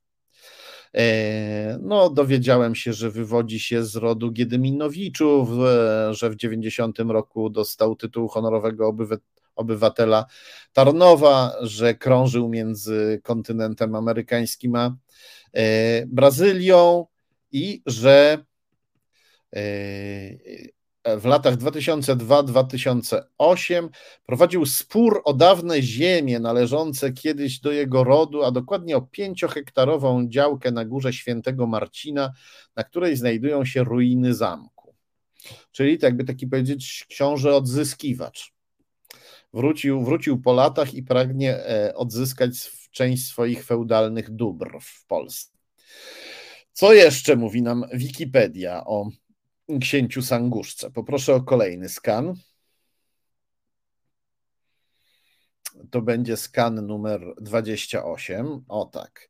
Czytamy tutaj, że książę Sanguszko e, dostał e, order, e, nie, krzyż kawalerski Orderu Zasługi Rzeczypospolitej Polskiej od lewicowego, postkomunistycznego prezydenta Aleksandra Kwaśniewskiego. No, jak wiemy, Kwaśniewski, e, e, można o nim różne rzeczy mówić, złe i dobre, ale tak naprawdę to on e, wielkim lewicowcem nigdy nie był, więc można się tutaj niespecjalnie dziwić, że przyznał order e, e, feudalnemu księciu odzyskującemu feudalne dobra.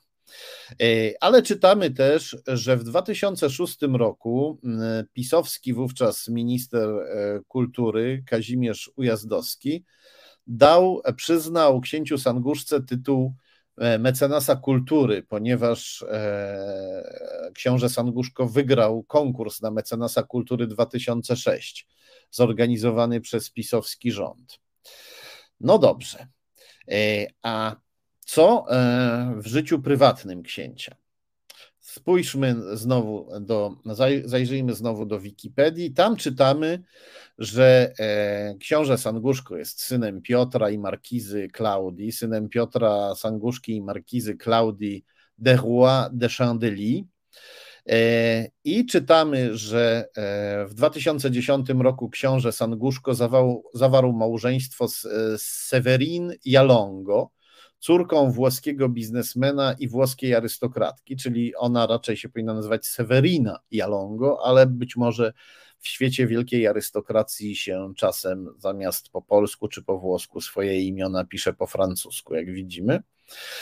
E, I czytamy, że e, pani Jalongo jest córką włoskiego biznesmena i jest córką tej włoskiej wspomnianej wcześniej arystokratki Markizy de Belleville, spokrewnionej z rodziną książęcą Monaco. Tak więc jesteśmy w najwyższych sferach. E, no, postanowiłem sprawdzić, kim e, jest e, ta pani de Belleville, która byłaby teściową naszego księcia. W serwisie genealogicznym Marka Minakowskiego, Sejm Wielki, czytamy, że Diane de Belleville, tak się nazywa ta arystokratka, która wyszła za pana Sabatino Jalongo, to byłby zapewne teść księcia Sanguszki. No, ale w tym serwisie znalazłem też taką tajemnicę powieściową, można by powiedzieć. Poproszę o kolejny skan. Kiedy w serwisie genealogicznym Sejm Wielki czytamy od Janie de Belleville, to na dole skanu czytamy, że ona jest e, e, matką Severin Jalongo, która wyszła za Pawła Sanguszkę, ale równocześnie czytamy, że e, w, czter, w 1946 roku e, e, zmarła w wieku 6 lat. Więc no, to raczej trudno, żeby miała córkę i jeszcze ją wyswatała za polskiego arystokratę, jeśli zmarła w wieku 6 lat. To tak się kojarzy z jakimiś takimi powieściami, serialami, a nawet powieściami e, kryminalnymi, szpiegowskimi z, e, z XX wieku, kiedy to szpiedzy pragnący uzyskać nową, fałszywą tożsamość e, kradli tożsamość osób zmarłych w dzieciństwie. E, uzyskiwali dostęp do ich e, aktów e, metryk urodzenia. W ten sposób zdobywali też inne dokumenty. No, ale to tylko takie luźne skojarzenie, bo mamy tu do czynienia z taką zagadką, którą można na różne sposoby interpretować. Domyślam się, że w dziejach tych rodzin, państwa Belleville, państwa Jalongo, państwa Sanguszków, no wiele mogło być nieścisłości i zagadek w dokumentach, ponieważ tak się składa, że e, teścia pana, mm, e, pana Sanguszki, teścia księcia Sanguszki, pana Sabatino Jalongo, odnajdujemy w Panamie, w rejestrach biznesowych dotyczących Panamy. E, okazuje się, że pan Sabatino Jalongo był e, dyrektorem i skarbnikiem spółki, która się nazywała Deska i która była zarejestrowana w Panamie, w raju podatkowym, no czyli tam, gdzie e, ukrywano nieraz bardzo różne dziwne papiery, żeby uniknąć odpowiedzialności podatkowej i karnej, bo na tym polegają raje podatkowe. I poproszę o kolejny skan. E, to też, tak jak poprzedni, to skan serwisu Open Corporates i tu widzimy, że również teściową księcia Sanguszki odnajdujemy e, w Panamie. Pani Diana de Belleville jest w tej samej spółce Deska, co jej mąż, teść księcia Sanguszki. Widzimy, że ona jest, była e, prezeską tej, tej spółki i dyrektorką w tej spółce. No dobrze, ale serwis Open Corporates to jest taki serwis światowy. A może, żeby zweryfikować te dane, trzeba zajrzeć głębiej do rejestrów, które są po prostu w Panamie. No i tak zrobiłem, poproszę o kolejny skan. No i tak się składa, że e, e, na stronie internetowej e, rejestru spółek panamskich znajdujemy spółkę Deska, Deska Incorporated, i w tej spółce znajdujemy Dianę de Belleville jako e, prezeskę i dyrektorkę znajdujemy pana Sabatino Jalongo, czyli teścia e, księcia Sanguszki i znajdujemy również żonę księcia Sanguszki na dole skanu Severina Jalongo, tu zapisana po włosku, najwyraźniej zgodnie z dokumentami, imię zostało zapisane po włosku. Pani e, Severina Jalongo występuje jako sekretarka i dyrektorka w spółce Deska Incorporated. A to, co teraz widzimy, to przybliżenie e, skanu, ponieważ widzimy, że razem z teściem i żoną księcia Sanguszki występuje w tej spółce pan Rodolfo Ramon Ciari Correa, który występuje jako subskryptor, czyli jako e, założyciel tej spółki. Kim jest pan Rodolfo Ramon Chiari, Ciari Correa, który razem z e, teściem, teściową i żoną księcia Sanguszki robi biznesy w panamskim raju podatkowym. E, I tu pewną pomocą może być dla nas e, opracowanie, które się nazywa Los Paraisos de Pandora, e, czyli Raje Pandory. Książka o rajach podatkowych, napisana przez hiszpański, napisana i opracowana przez hiszpańskich badaczy. Poproszę o kolejny skan. To będzie skan ze strony tej książki. Czytamy tutaj że e, prezydent Argentyny Mauricio Macri e, był zamieszany w działalność spółek w rajach podatkowych, a dokładnie jego rodzina, jego ojciec pozakładała tam różne spółki. To były trzy spółki, nazywały się Omexil, Niagara i Granberry. W drugiej z nich znajdujemy pana Rodolfo Ramona Chari Correa. I poproszę o kolejny skan. To będzie następna strona z tej książki. I również w spółce Grandberry znajdujemy pana e, e, e, e Rodolfo Ramona Chari Correa. Ponieważ to są e, tutaj może słabo widać, bo to są małe literki, to zrobiłem takie zbliżenie najważniejszych fragmentów. To będzie następny skan, o który też poproszę naszą dzielną realizatorkę Angelę. I tutaj na tym e, skanie widzimy fragmenty z, z książki o rajach podatkowych, z tego opracowania, które cytujemy, Los Paraisos de Pandora. Czytamy tutaj, że Widzimy tutaj nazwisko prezydenta Argentyny Mauricio Macri na samej górze.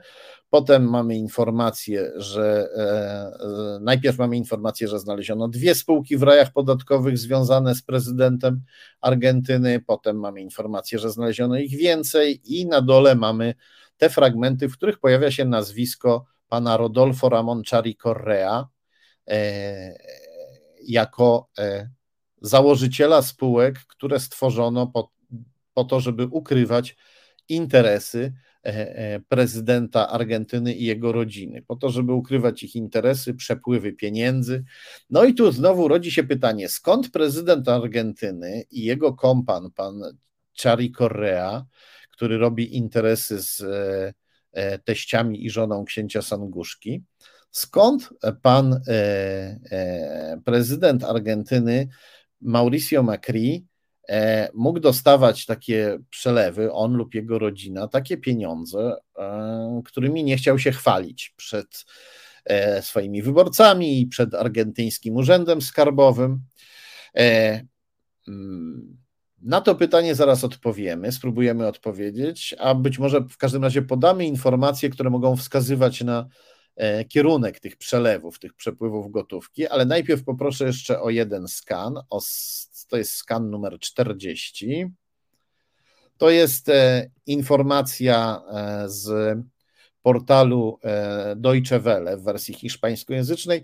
Pokazuję go tylko po to, żeby potwierdzić informacje, które znaleźliśmy w książce Los Paraisos de Pandora. Również Deutsche Welle pisze, że prezydent Argentyny Mauricio Macri jest e, zamieszany w, jest e, jednym z polityków, których nazwiska pojawiły się w śledztwie na temat e, spółek ukrywających pieniądze w rajach podatkowych. No dobrze.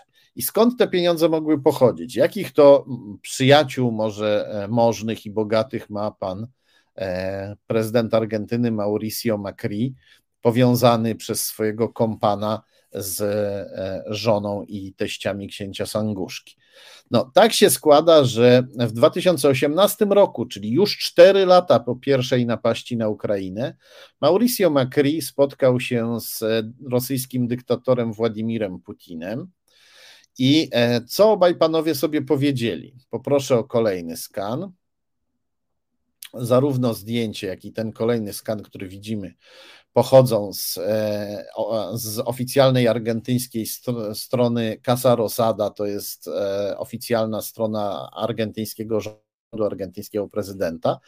Czytamy, że Macri się spotkał z prezydentem Rosji Władimirem Putinem i e, e, e podpisali decyzję, podpisali umowę o wzmocnieniu i pogłębieniu e, e, związków pomiędzy Argentyną i rosyjską e, dyktaturą. Czytamy, że Macri mówił o dobrych związkach między dwoma krajami, a również Władimir Putin mówił prezydentowi Macriemu miłe miłe, miłe słowa, e, wliczając go w poczet e, e, liderów, którzy dokonują, którzy, którzy inicjują, organizują wielkie wydarzenia. Odnosił się tutaj do szczytu liderów grupy G20, którą, zorganizowa, którą organizowała, którą organizowała Argentyna. I jakby tego było mało, poproszę o kolejne zdjęcie. Serdeczne stosunki łączyły prezydenta Macriego z amerykańskim prezydentem Donaldem Trumpem. I tu można sobie powiedzieć, no dobrze, no ale Argentyna, Stany Zjednoczone są na tej samej półkuli, niezależnie od tego, jaki ten Trump by był, to prezydent Argentyny musi utrzymywać e, dobre e, stosunki z Ameryką. No cóż, tak się składa, że stosunki amerykańsko-argentyńskie e, zwykle są złe i to jest jeden z powodów, dla których Argentyńczycy niestety wspierają Rosję. No bo Rosja to jest dla nich daleki kraj, który im nie zagraża, który im pomaga w sporach z Ameryką. I o ile e, Argentyńczycy e, nie odnoszą się nieprzychylnie do Rosji przeważnie, niestety do putinowskiej Rosji, to e, odnoszą się do Ameryki często nieprzychylnie i e, no, e, bardzo nieprzychylnie, wielu Argentyńczyków bardzo nieprzychylnie odnosi się do, też do prezydenta Donalda Trumpa, chociaż on jest prokremlowski, bo Donald Trump zrobił z siebie ikonę amerykańskiej arogancji. A jednak mimo to Macri spotkał się z Donaldem Trumpem i nie ze względów dyplomatycznych. Nie dlatego, że musiał, bo Trump był prezydentem. Nie. Macri spotkał się z prokremlowskim prezydentem Donaldem Trumpem, gdy ten już nie był prezydentem. Spotkał się z Trumpem, gdy Trump, już po tym jak Trump musiał odejść e, z urzędu. Poproszę o kolejny skan. E, skan z artykułu gazety Buenos Aires Times. Czytamy, że Macri e, E, spotkał się e, z byłym prezydentem Donaldem Trumpem, rozmawiał z nim na temat stosunków amerykańsko-argentyńskich, ale także o sprawach globalnych i o tym, co i, i, i Macri podał, że rozmawiał z Trumpem o tym, co Argentyna i Stany Zjednoczone mogłyby w przyszłości budować, czyli jakby dał do zrozumienia, że uważa, że Trump wróci na stanowisko prezydenta Stanów Zjednoczonych. Trump albo jakiś e, człowiek, który będzie Trumpa słuchał. Więc e, e, tak e, można powiedzieć, takiego patrona mm, mają e, biznesowi partnerzy rodziny księcia Sanguszki. Rodziny, no, bliskich powinowatych teściowie i żona, no osoba najbliższa księcia Sanguszki, e, robili biznesy z, e, z człowiekiem prezydenta Macriego, robili biznesy w raju podatkowym, gdzie również prezydent Macri ukrywał swoje dochody. A prezydent Macri to człowiek, który afiszował się z dyktatorem Putinem i z prokremlowskim prezydentem Donaldem Trumpem, gdy, nawet wtedy, gdy ten już przestał być prezydentem. No i teraz można powiedzieć, no dobrze, ale jak się to ma do Piotra Saka, naszego posła, który twierdzi, że Unia Europejska chce nas zgwałcić?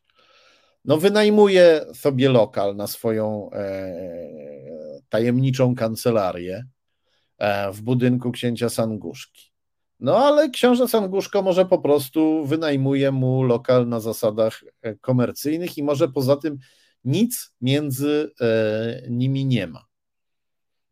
Może to jest po prostu tylko taki układ właściciel lokalu i, i wynajmujący, i nic poza tym. E, cóż, e, popatrzyłem sobie na to, co dzieje się w Tarnowie, gdzie książę Sanguszko odzyskiwał grunty. Poproszę o kolejny skan.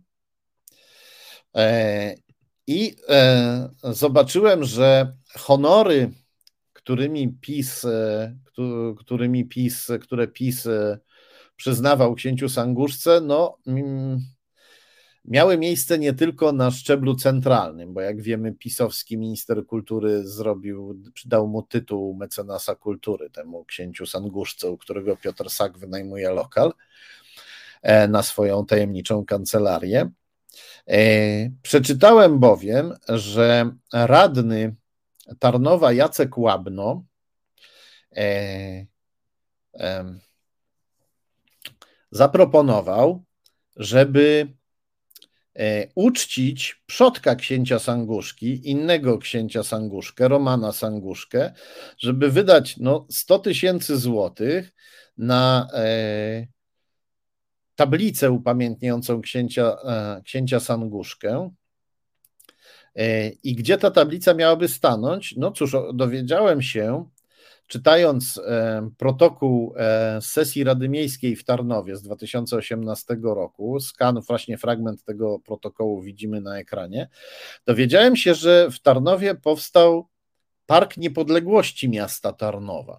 To brzmi bardzo dziwnie, no bo myślałem, że niepodległa jest lub powinna być Polska. No, Park Niepodległości miasta Tarnowa brzmi no tak niemalże separatystycznie. No ale może ktoś to po prostu niefortunnie sformułował. I dowiedziałem się, że ten park jest nie tylko parkiem niepodległości, ale także parkiem księcia Sanguszki.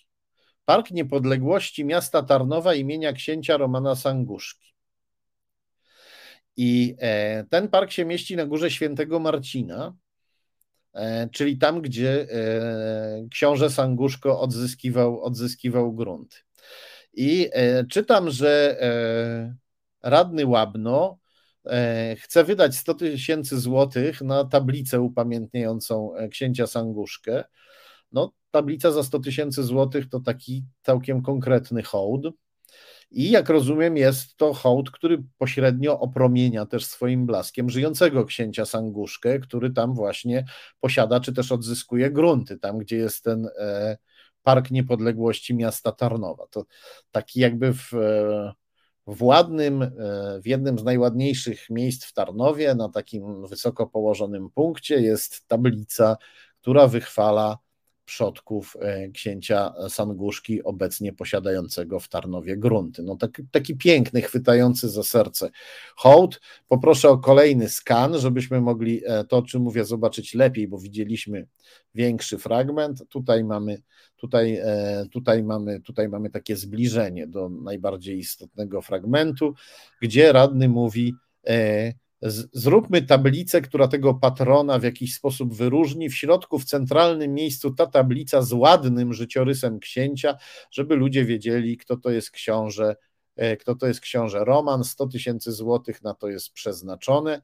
Nie wiem, czy zdążymy to wydać, ale zróbmy to razem, żeby przynajmniej zaistniały dwie rzeczy: oznakowanie parku i tablica, i tablica pamiątkowa. No dobrze, i kim jest radny Łabno, który postanowił tak uhonorować przodka księcia Sanguszki. Poproszę o kolejny skan. To właśnie e, to zdjęcie z e, dziennika polskiego, gdzie widzimy e, radnego Łabno po środku, a po prawej stronie siedzi obok Piotr Sak. Albowiem tak się składa, że radny Łabno jest kolegą Piotra Saka, z, e, z Rady Miejskiej Tarnowa. Razem tam e, zasiadali jako przedstawiciele, jako przedstawiciele PiS. Czyli radny Sak, który wynajmuje lokal u księcia Sanguszki, no nie lansuje takiej idei, żeby upamiętniać przodka księcia w parku, ale robi to za niego jego kolega klubowy. Poproszę o kolejny skan z portalu Radia Kraków, no to mamy tutaj takie potwierdzenie, że e, Jacek Łabno i Piotr Sak byli kolegami. Czytamy, że Jacek Łabno i Piotr Sak od dziś będą sprawdzać, czym się zajmują doradcy e, prezydenta Tarnowa Romana Ciepieli i czy ich praca daje jakieś korzyści miastu. Są tutaj przedstawieni jako radni PiS, którzy biorą pod lupę doradców prezydenta Tarnowa. No cóż, może rzeczywiście ci doradcy się, mówiąc e, potocznie, opieprzają, bo nie wpadają na przykład na takie wspaniałe pomysły, jak wydanie 100 tysięcy złotych na upamiętnienie e, przodków księcia Sanguszki, który odzyskuje grunty, grunty w, w mieście. I e, to już i to, i to tyle na ten temat. Podsumowując, e, e, Piotr Sak, który straszy nas e, zgwałceniem przez Unię Europejską, e, wynajmuje lokal od księcia e, Sanguszki, a jego kolega upamiętnia za 100 tysięcy złotych, za 100 tysięcy złotych przodków księcia Sanguszki. Żona księcia Sanguszki i jego teściowie robią biznesy z człowiekiem argentyńskiego prezydenta Macriego, prokremlowskiego i protrampowskiego. I to być może tłumaczy e, nam, dlaczego e, Piotr, e, w jakiejś mierze tłumaczy nam, dlaczego Piotr Sak aż tak agresywnie występuje z tak agresywnym komunikatem antyzachodnim, dlaczego aż tak agresywnie lansuje antyzachodnią propagandę, agresywniej niż wielu innych posłów, posłów PiS. Jeżeli układ pomiędzy e, księciem Sanguszką a Piotrem Sakiem jest czysto biznesowy, no to cóż, wypada poprosić Piotra Saka i księcia Sanguszkę, żeby ujawnili przelewy. Przelewy, e, jakie Piotr Sak wpłacał księciu Sanguszce za wynajem lokalu. Wtedy będziemy mogli sobie porównać e, te kwoty z cenami, z cenami rynkowymi. E, no dobrze, to tyle o Piotrze Saku. Przejdźmy do kolejnych bohaterów dzisiejszego wieczoru. E, ostrzegam e, wrażliwych widzów, że za chwilę pojawi się zdjęcie Tomasza Sakiewicza, szefa Gazety Polskiej. Już się pojawiło. To, co widzimy, to jest fragment artykułu Gazety Polskiej. To takie zielonkawo-żółte, co obwódki naokoło fragmentów artykułu zrobił Marcin Celiński, który zwrócił moją uwagę na ten fragment, bo czytał i nie mógł. Czytał, czytał i nie do końca dowierzał temu, co czyta. Zrobił takie obwódki, żeby e, żeby specjalnie oznaczyć ten, e, te fragmenty. E, chodzi o artykuł, w którym czytamy, w którym czytamy, że e, kluby Gazety Polskiej e, podpisały e, umowę o współpracy z Radą Porozumienia Społecznego, największą organizacją pozarządową na Węgrzech, reprezentowaną przez pana, który się nazywa Laszlo Cizmadia. Uwaga, na Węgrzech zasadniczo e, prosperują tylko te organizacje pozarządowe, które są tak naprawdę rządowe.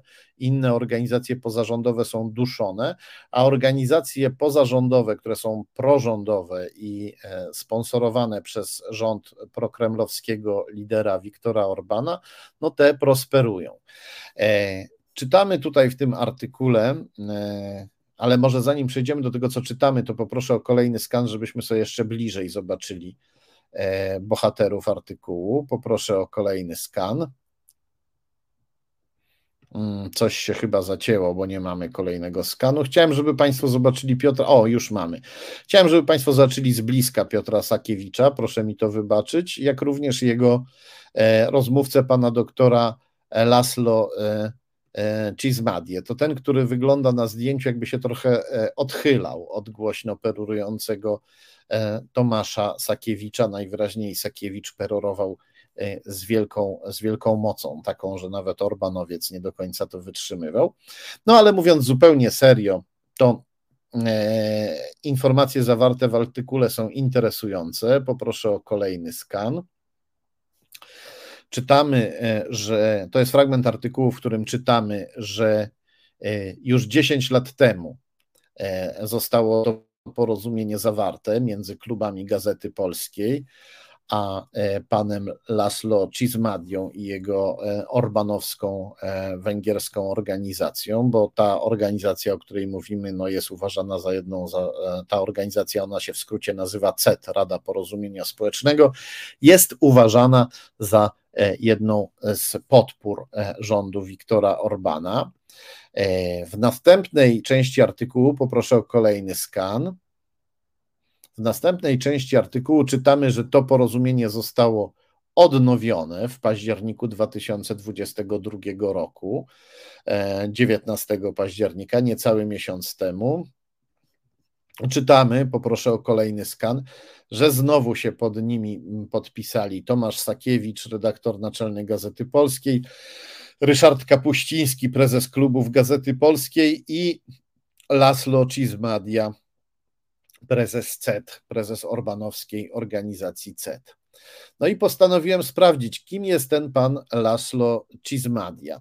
E, przypomnę tylko, że e, o ile inne pisowskie media już od retoryki antyrosyjskiej wielokrotnie odstępowały. Gazeta sieci, czy też w sieci, bo zmieniała nazwę braci Karnowskich, E, w momencie napaści, najazdu Putina na Ukrainę opublikowała no niemalże czołobitny 11-stronicowy wywiad z ambasadorem Kremla, opatrzony pięknym zdjęciem ambasadora na tle portretu Putina. A e, Gazeta Polska akurat e, trzyma się, co jest tutaj pewnym wyjątkiem wśród pisowskich mediów, no trzyma się konsekwentnie lub niemal konsekwentnie e, retoryki antyrosyjskiej. No, tym bardziej mnie zainteresował ten Orbanowiec, z którym oni współpracują od 10 lat i z którym znowu odnowili porozumienie, przedłużyli umowę o współpracy. Poproszę o kolejny skan. To jest e, skan e, z węgierskiego portalu 24Hu. Czytamy tutaj, że Laszlo e, Cizmadia wezwał Węgrów na Marsz Pokoju 15 marca, czyli po najeździe Putina na Ukrainę. No i był to marsz symetrystyczny. W tym sensie, że Cizmadia,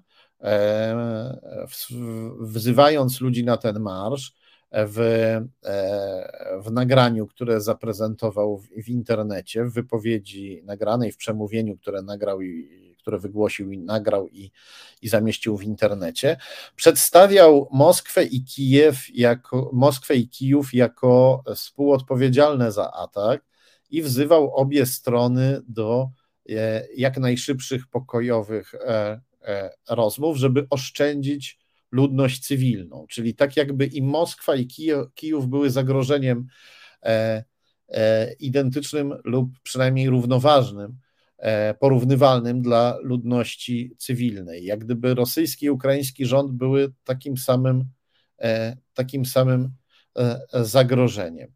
To jest, e, no, tak się prezentuje ten węgierski partner Gazety Polskiej i na tym mogli, moglibyśmy skończyć, gdyby nie to, że znalazłem inną jego wcześniejszą wypowiedź. Poproszę o kolejny skan.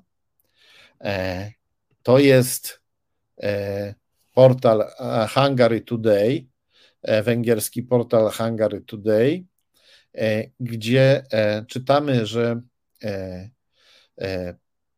podczas pandemii doszło do wielkiego marszu poparcia dla e, e, rządu Viktora Orbana podczas pandemii koronawirusa, kiedy to nie powinno być żadnych zgromadzeń. A jednak Orbanowcy się zgromadzili i e, jednym z organizatorów był tego marszu był pan Laszlo Cizmadia, który wystąpił na konferencji prasowej jako przedstawiciel organizatorów oskarżył opozycję o to, że e, ona wypowiedziała wojnę, e, jak to określił, wschodnim szczepionkom, czyli rosyjskim i chińskim. No i trudno się dziwić, że e, opozycja sprzeciwiała się stosowaniu szczepionek lewych, opartych na stworzonych na szybko pod naciskiem totalitarnych rządów przez e, uczonych ulegających presji swoich rządów. Często były to e, kiepskie kopie zachodnich szczepionek. I nic dziwnego, że opozycja chciała, żeby e, rząd Orbana sprowadzał sprawdzone zachodnie szczepionki, ale rząd Orbana zrobił inaczej. I w związku z tym pan Laszlo Cizmadia wyraził podczas tej konferencji prasowej swoją wdzięczność dla dla Rosji, dla putinowskiej Rosji i dla totalitarnych Chin, które są e, sojusznikiem putinowskiej Rosji, e, za to, że e, putinowska Rosja i Chiny dostarczyły Węgrom te lewe szczepionki, które on przedstawił jako błogosławieństwo. Takiego partnera znalazła sobie gazeta polska, rzekomo antyrosyjska. Zbliżamy się już do końca, ale pozostał jeszcze jeden temat, który musimy szybko poruszyć. Poproszę o kolejny skan. To fragment z jednego z artykułów, które ukazały się dzisiaj po południu. Mowa o tym, że e, powiązany z Rosją i zamieszany w aferę taśmową miliarder Tomasz Misiak e, e, został, jakby to powiedzieć, miliard, miliarderowi Tomaszowi Misiakowi sąd, że wobec miliardera Tomasza Misiaka sąd we Wrocławiu zastosował E, dozór policyjny, zakaz opuszczania kraju i 200 tysięcy złotych kaucji. E, jeśli Misiak tego nie zapłaci, będzie musiał pójść do aresztu. Dlaczego? Dlatego, że e, Misiak jest oskarżony o malwersacje, wielomilionowe malwersacje, których miał dokonywać w swojej spółce Work Service. O Misiaku i o jego spółce Work Service pisałem w tej książce. Morawiecki i, i jego tajemnice. E, firma e, dokonywała różnych dziwnych operacji w Polsce. Misiak był podejrzany o to, że jako senator i członek senackich senackiej komisji e, próbował wpływać na ustawodawstwo, tak żeby, i na, e, tak żeby faworyzowało ono na ustawodawstwo i na decyzje e, Sejmu i Senatu, tak żeby faworyzowały one e, jego spółkę Work Service. Ta spółka była potentatem tak zwanej pracy śmieciowej, czyli wynajmowała ludzi do prac, do prac okresowych, ale Misiak też, jak czytamy w tej, w tej książce, no Misiak prowadził tego rodzaju działalność nie tylko w Polsce. Jego firma Work Service miała filię w Rosji, która działała we wszystkich pięciu tysiącach sklepów i supermarketów należących do kremlowskiego oligarchy Michaiła Friedmana. E, wspólnikami Misiaka, partnerami biznesowymi w jego firmie Work Service byli dwaj amerykańscy Grecy, Paul Sofianos i Paul Christodoulou, którzy wcześniej działali w Rosji przez całe, e, przez całe lata.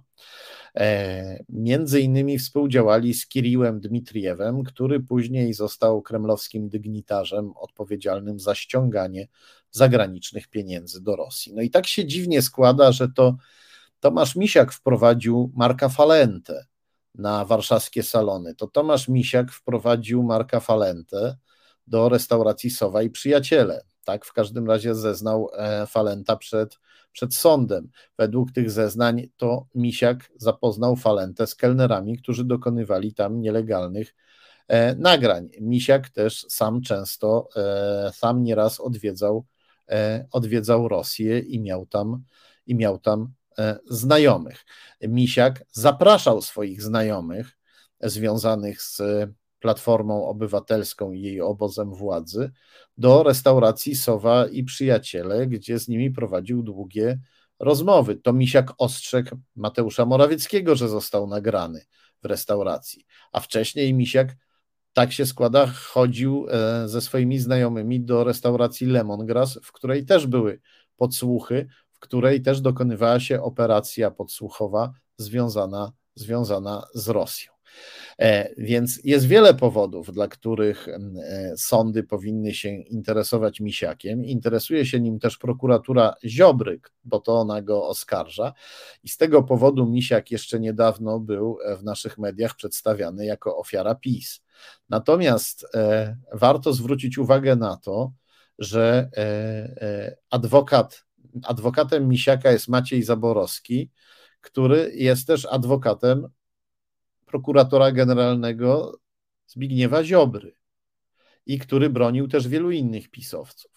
I warto też odnotować, poproszę o kolejny skan, że e, PiS e, e, ponad 10 lat temu e, atakował Misiaka jako przedstawiciela Platformy Obywatelskiej, bo wtedy Misiak jeszcze był senatorem Platformy Obywatelskiej, oskarżał go o korupcję, ale e, za sprawą Donalda Tuska i w związku z tymi podejrzeniami Misiak musiał odejść z Platformy Obywatelskiej, zaczął ją potem zwalczać i podpisał dokument, który właśnie widzimy, podpisał tajną ugodę z partią Jarosława Kaczyńskiego, z partią PiS, w której PiS zobowiązał się do traktowania Misiaka z życzliwością i Misiak też się zobowiązał do traktowania partii PiS z życzliwością. Niezwykła ugoda. Poproszę o kolejny skan, to będzie przybliżenie kluczowego fragmentu tej ugody. E, czytamy tutaj: strony składają deklaracje e, wzajemnie życzliwej postawy w dalszych relacjach. Postanowienia ugody mają charakter poufny, treść ugody nie podlega ujawnieniu. No ale tak się składa, że Misiak niedawno sam ją ujawnił na, e, na Twitterze. Zapewne po to, żeby e, wywrzeć jakiś nacisk na, na pisowców. W tej ugodzie czytamy również, że, e, że, że PiS z, per, z perspektywy czasu ocenia, że Tomasz Misiak nie uczestniczył w tworzeniu prawa na korzyść własnej firmy. Czyli jakby PiS się do Misiaka przekonał. No i tu się pojawia pytanie, skoro PiS się do Misiaka przekonał, to dlaczego teraz Ziobro e, e, e, zatrzymał Misiaka i stawia go przed sądem? A do tego dochodzi drugie pytanie, dlaczego równocześnie Misiaka broni adwokat Ziobry? E, najprawdopodobniej chodzi tutaj o jakiś układ. Za pomocą e, kija, jakim jest e, zatrzymanie misiaka, postawienie go przed sądem, a również za pomocą marchewki, jaką jest pomoc adwokata Ziobry, no, pisowcy pokazują Misiakowi, że mogą mu narobić kłopotów, ale mogą też mu pomóc. Prawdopodobnie chcą coś od niego wymusić, coś od niego uzyskać. Być może chodzi o sprawy związane z aferą taśmową, na temat której Tomasz Misiak ma na pewno dużą wiedzę, jako człowiek związany z tą aferą i związany z Rosją, z putinowską Rosją, która tę e, aferę mm, inspirowała, e, monitorowała i współorganizowała. Być może chodzi tutaj o kolejne torby z biedronki. Pamiętamy, jak pisowcy próbowali nam wmówić, że e, w torbie z biedronki e, syn Tuska przyniósł Tuskowi łapówkę od organizatorów afery taśmowej. Być może chodzi tutaj o to, żeby Misiak zaczął e, kłamać, że Rosjanie nie brali udziału w aferze taśmowej, bo związki afery taśmowej, która pomogła PiS zdobyć władzę, związki afery taśmowej z Rosją, związki tej afery tak korzystnej dla PiS z Rosją, rosyjskie związki tej afery to e, coś, co jest dla PiS bardzo niewygodne, coś, co obala e, lansowaną znowu przez e, PiS opowieść o tym, jakoby ta partia była antyrosyjska. Kochani, muszę kończyć, bo już za chwilę prawoteka. Pozdrawiam Was bardzo serdecznie. Gorąco Wam dziękuję za to, że jesteście, za to, że udostępniacie, za lajki. Przypominam o lajkach. Lajki są e, bardzo ważne, bo dzięki nim więcej osób obejrzy te transmisje. No i gorąco zachęcam do wspierania nas finansowego, szczególnie w serwisie Patronite, gdzie można zlecić taki stały przelew na, na, na, na rzecz naszego, e, na rzecz resetu obywatelskiego. Stały, stały przelew nawet jest lepszy niż jednorazowy datek, nawet drobna kwota co miesiąc to więcej niż duża kwota jednorazowo. Gorąco Was do tego zachęcam i gorąco dziękuję każdemu, kto nas wesprze w ten sposób. No i dziękuję za Wasze wsparcie duchowe, które codziennie, codziennie czuję. Pozdrawiam Was serdecznie. Za chwilę prawoteka. My widzimy się za tydzień. Do zobaczenia. Reset Obywatelski.